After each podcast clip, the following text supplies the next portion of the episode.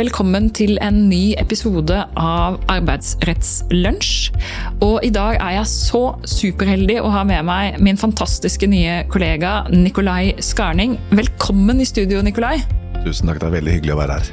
Det føles fantastisk bra å ha deg her med å snakke podkast, og ikke minst eh, så gøy at du har kommet til oss i Simonsen Fogtvik for å jobbe med arbeidsrett. Vi kommer til å få det mye gøy.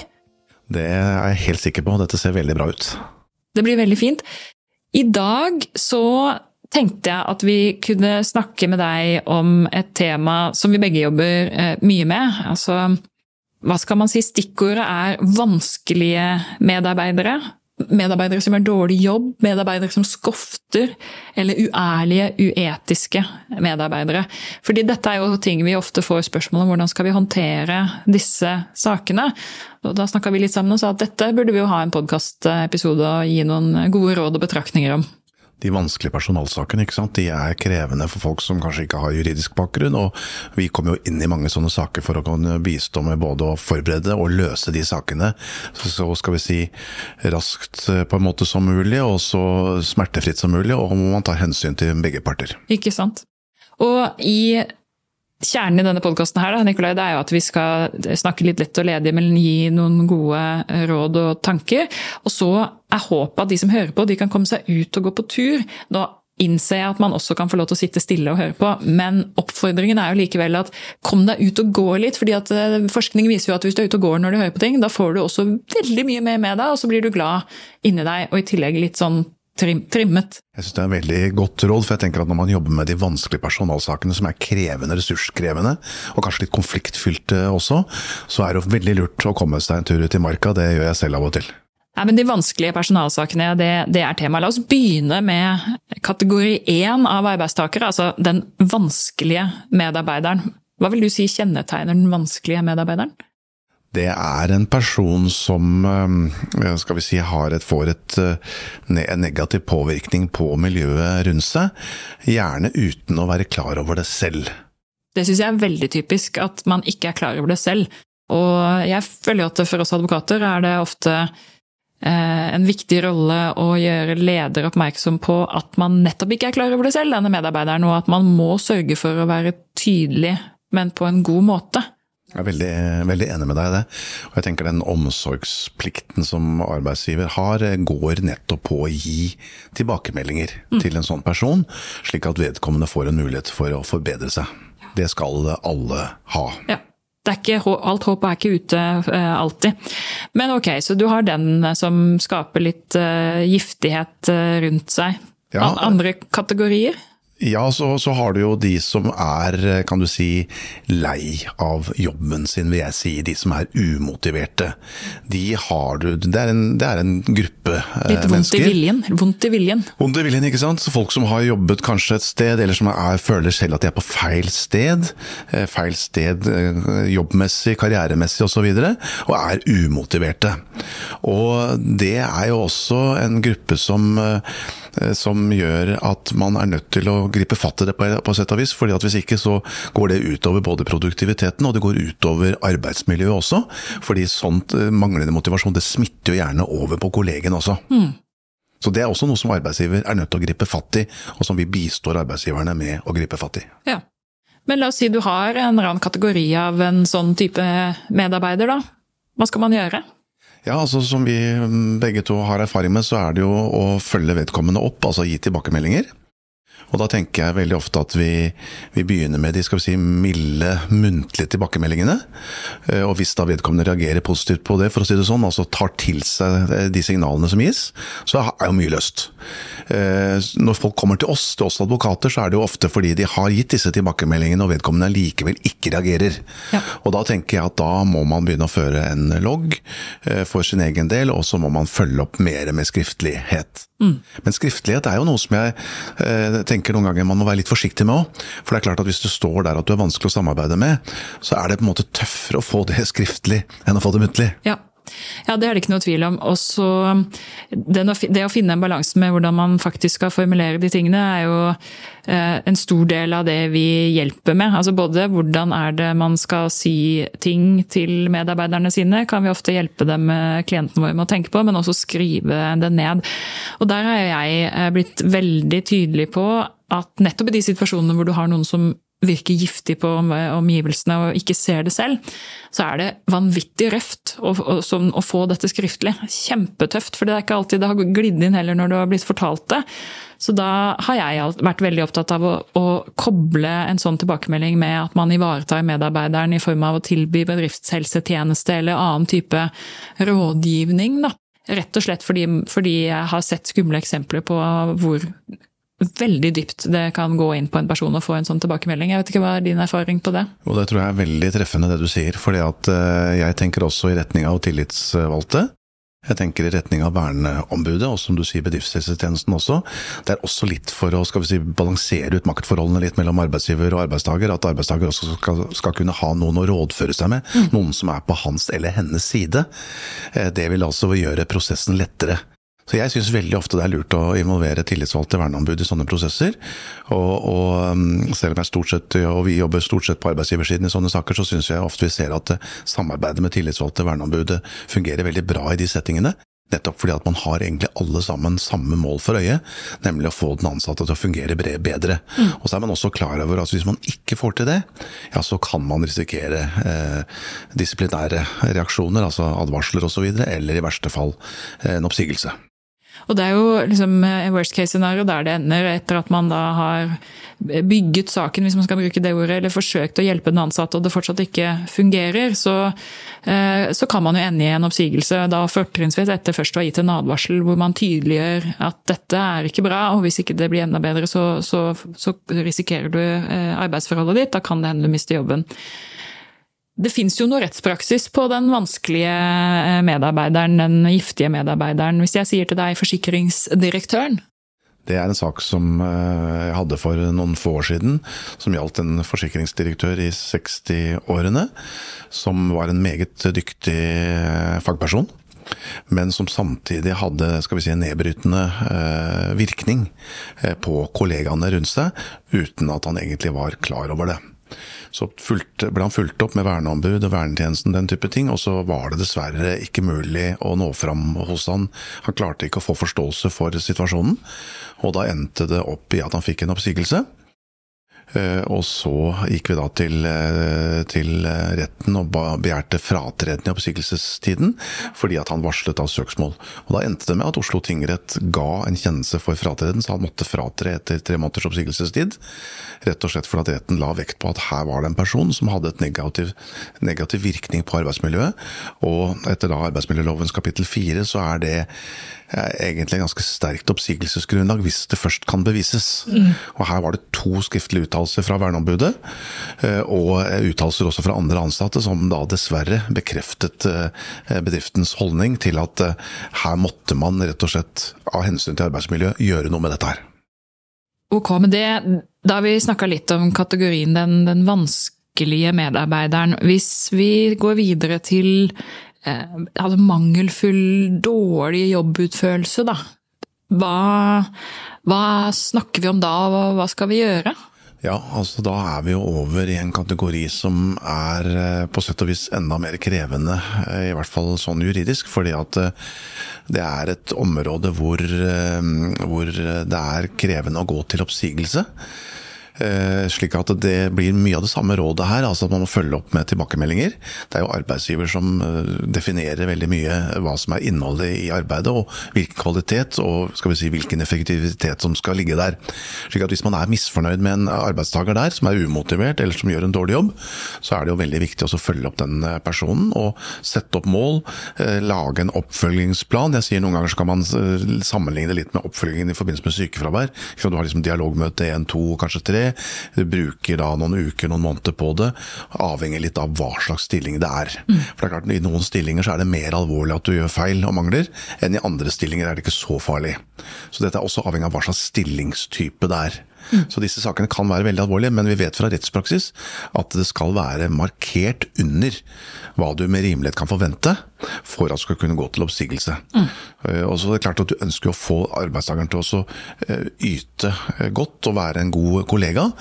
Og da er vel igjen det samme rådet, Lill, at følg opp, gi tilbakemelding. Og som vi snakket om i stad, vær litt forsiktig med skal vi si, kritikken skriftlig. Rett og slett for at den kan også få en motsatt effekt. Så det viktigste er vel den muntlige oppfølgingen også i de sakene. Og så ligger jo det likevel selvfølgelig når det gjelder det å, å, kunne dokumentere hva man har sagt, så, så, ser vi jo som advokater at det er ikke alltid det glir inn. Så når du sier vær forsiktig med det skriftlige, så, så må man jo på et eller annet tidspunkt også tydeliggjøre dette, sånn at man kan gå tilbake og vise hva som har skjedd. Så der finne den balansen der. I hvert fall når vi kommer til advarselstadiet, så er vi jo der på, alltid, tenker jeg, at man skal skriftliggjøre det man, det man sier. Men eh, det å finne den balansen mellom muntlig og skriftlig, det, det er viktig når man, når man er i disse sakene, da. Ja da, og det er klart at når folk kommer til oss, altså dette er jo kanskje HR-sjefer osv. som har den erfaringen, som vet omtrent hvor de skal legge seg. Men når de da først kommer til oss, så er det klart vi jobber mye med dokumentasjonen, hvordan dette skal skriftliggjøres og, og formidles. Mm. Eh, og da har jo vi alltid i bakhodet at dette skal kunne bevises i en domstol etterpå. Mm. Og da er jeg helt enig med deg, da må du være tydelig på tilbakemeldingene. En ting er kanskje hva man skal kritisere den ansatte for, noe annet er kanskje å sette opp hvilke mål man har. ikke sant? Vi ønsker å komme dit og dit. Mm. Og og Det som vi ofte ser i disse sakene, er at arbeidstaker sier at de har ikke fått nok opplæring. Så det er noe av det som man må på en måte prøve å sjekke ut ganske tidlig. Er opplæringen på plass? Kan man krysse ut at den er på plass? Ja, og da er vi på dokumentasjon igjen, tenker jeg. At man evner å vise hva man nettopp har gitt av opplæringstiltak, og kan vise til mailer hvor det fremgår, eller eh, andre typer skriftlig dokumentasjon. Da. Altså dokumentasjon, dokumentasjon, dokumentasjon som vi messer om ofte i disse sakene, hvis vi havner i, i retten. Det som jeg tenker noen ganger Lill, om det med dokumentasjon for opplæring, er at eh, er man litt på tilbudssiden der, det er jo avhengig selvfølgelig av bedriftens økonomi, alt dette her, men er man litt på tilbudssiden der, så kan man også spørre den ansatte lenge før det blir en tvist, ikke sant. Mm. Si hvordan syns du det er med opplæringen her, har du fått tilstrekkelig opplæring? Veldig ofte så vil jo de ansatte da si ja, jeg har fått tilstrekkelig med opplæring. Ja. Og da kan man på en måte loggføre og eventuelt dokumentere det, at opplæringen er på plass. Absolutt. Du sa noe som jeg syns er veldig interessant, og det er at i overgangen mellom de sakene hvor vi snakket om at man hadde giftige medarbeidere som påvirker arbeidsmiljøet negativt, og over til dette med manglende prestasjoner, at det er vanskeligere å si opp ansatte pga. Eh, mangelfulle prestasjoner enn det er pga. giftig arbeidsmiljø.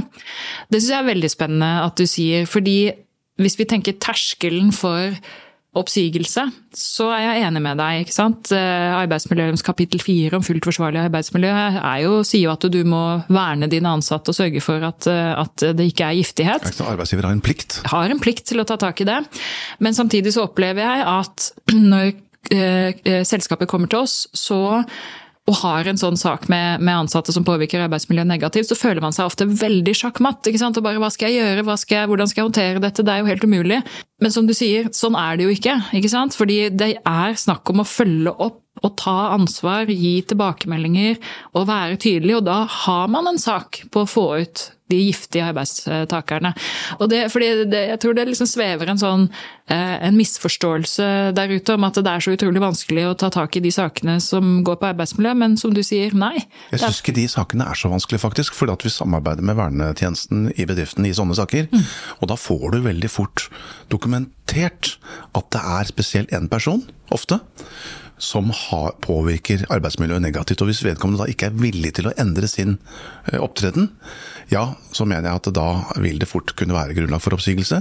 Rett og slett for at arbeidsgiver er nødt til å gjøre det, har plikt til det etter kapittel fire i arbeidsmiljøloven. Og eh, arbeidsmiljøet betyr mye for alle de ansatte, og det psykososiale arbeidsmiljøet vet vi er veldig viktig. Ja. Ikke minst i norske skal vi si, kompetansebedrifter og sånt, hvor samarbeidet er utrolig eh, viktig faktor. da. Da har vi jo eh, snakket om eh, den, eh, den, vanskelige medarbeideren, vi har snakket om mangelfull og dårlig jobbutøvelse. Vi har jo den kategorien hvor folk skofter, hvis man skal bruke et veldig arkaisk uttrykk. Ikke kommer på jobb, ikke møter. Kommer, altså, si noe om de, da. Ja, altså skoft det er jo et, skal vi si, ganske sentralt grunnlag for en oppsigelse, fordi at eh, det er jo en forutsetning i et arbeidsforhold at man faktisk møter på, på, jobb eh, for å gjøre jobben og for å motta lønn. Slik at hvis den biten er borte, så, så vil det veldig fort være over i et vesentlig mislighold egentlig av arbeidsavtalen. Men man må, man, må, ikke være for rask som arbeidsgiver der, for det er klart det kan være folk som har psykiske problemer. Det kan være sykdom, det kan være misforståelser.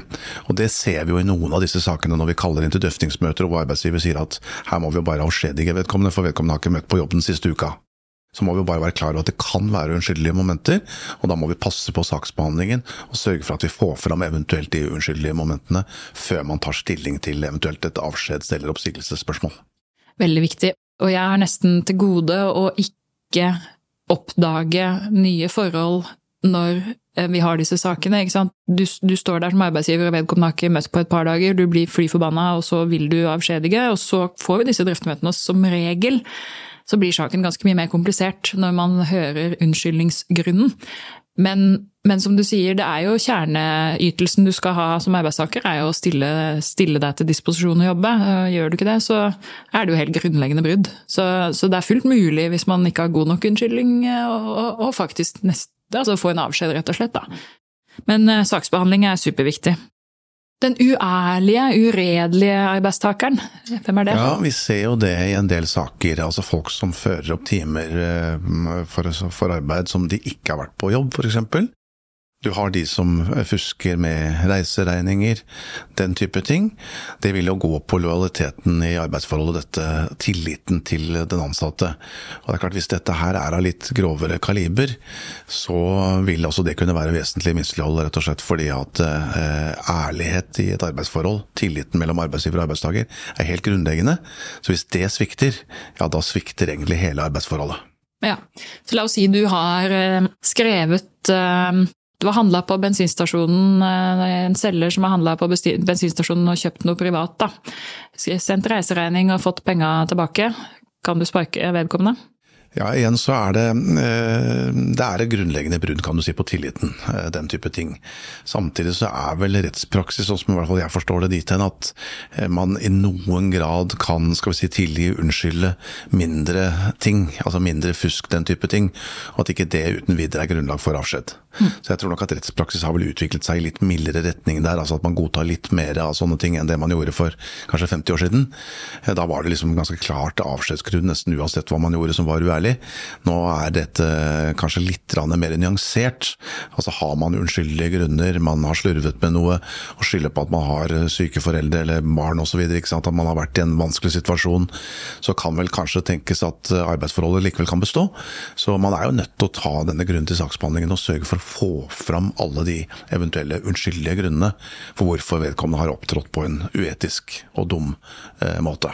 Ja, Nei, det, det, er veldig viktig. og Også i disse reiseregningssakene så er min erfaring at det kommer alltid noe. ikke sant? Tar du eksempler med at noen har kjøpt noe på bensinstasjonen og sendt reiseregning, og det fremstår som noe privat, og så kan man ofte få en forklaring på det som går på ja, men man hadde en forståelse av overtids- eller diettregelverket, at man kunne kjøpe seg en pølse osv. Så, videre. så det der å få gravd ned i de grunnene for å se hva er det vi står overfor her, og hva tenkte arbeidstaker, kjempeviktig. Det er jo fint at vi har gode regler for drøftemøter og den slags i loven, da, Nikolai. Det, det må vi være fornøyd med. Det er veldig bra, og det står veldig klart og tydelig i loven også, så hvis man bare følger det som står der, så eh, kan man være ganske trygg på at de beslutningene man da tar etterpå, er bygget på et riktig faktum. Mm. Det er nettopp det. Og det gir en grei overgang til nettopp saksbehandlingen, for nå har vi jo sett litt på type kategorier, arbeidstakersituasjoner hvor det kan eh, være behov for å ta tak i forholdet. Hvis vi begynner liksom i, slutten, da, nemlig en oppsigelse, altså si noe kort om veien frem dit eh, fra et saksbehandlingsperspektiv. Som arbeidsgiver så skal du jo sørge for at eh, faktum er eh, avklart. Eh, så hvis det er slik at du går i retning av en oppsigelse, så må du være sikker på, trygg på faktum. Er det virkelig slik at den ansatte har gjort feil?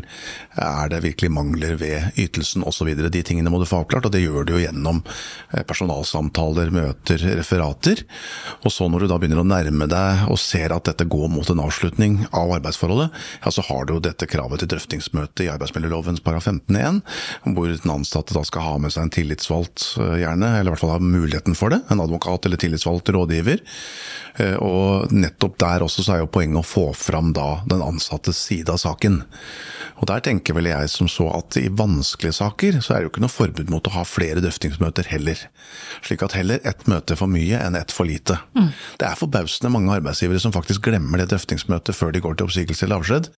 Eh, og det er litt rart, for at det står så klart og tydelig i loven. Det er jo det eneste som står i loven, egentlig, bortsett fra ja, saklig grunn. Så det...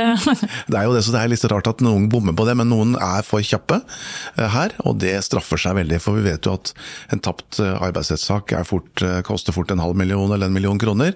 Slik at her å spandere på seg litt tid, bruke litt tid hos en juridisk rådgiver, advokater på dette, det vil være veldig god, godt investerte penger.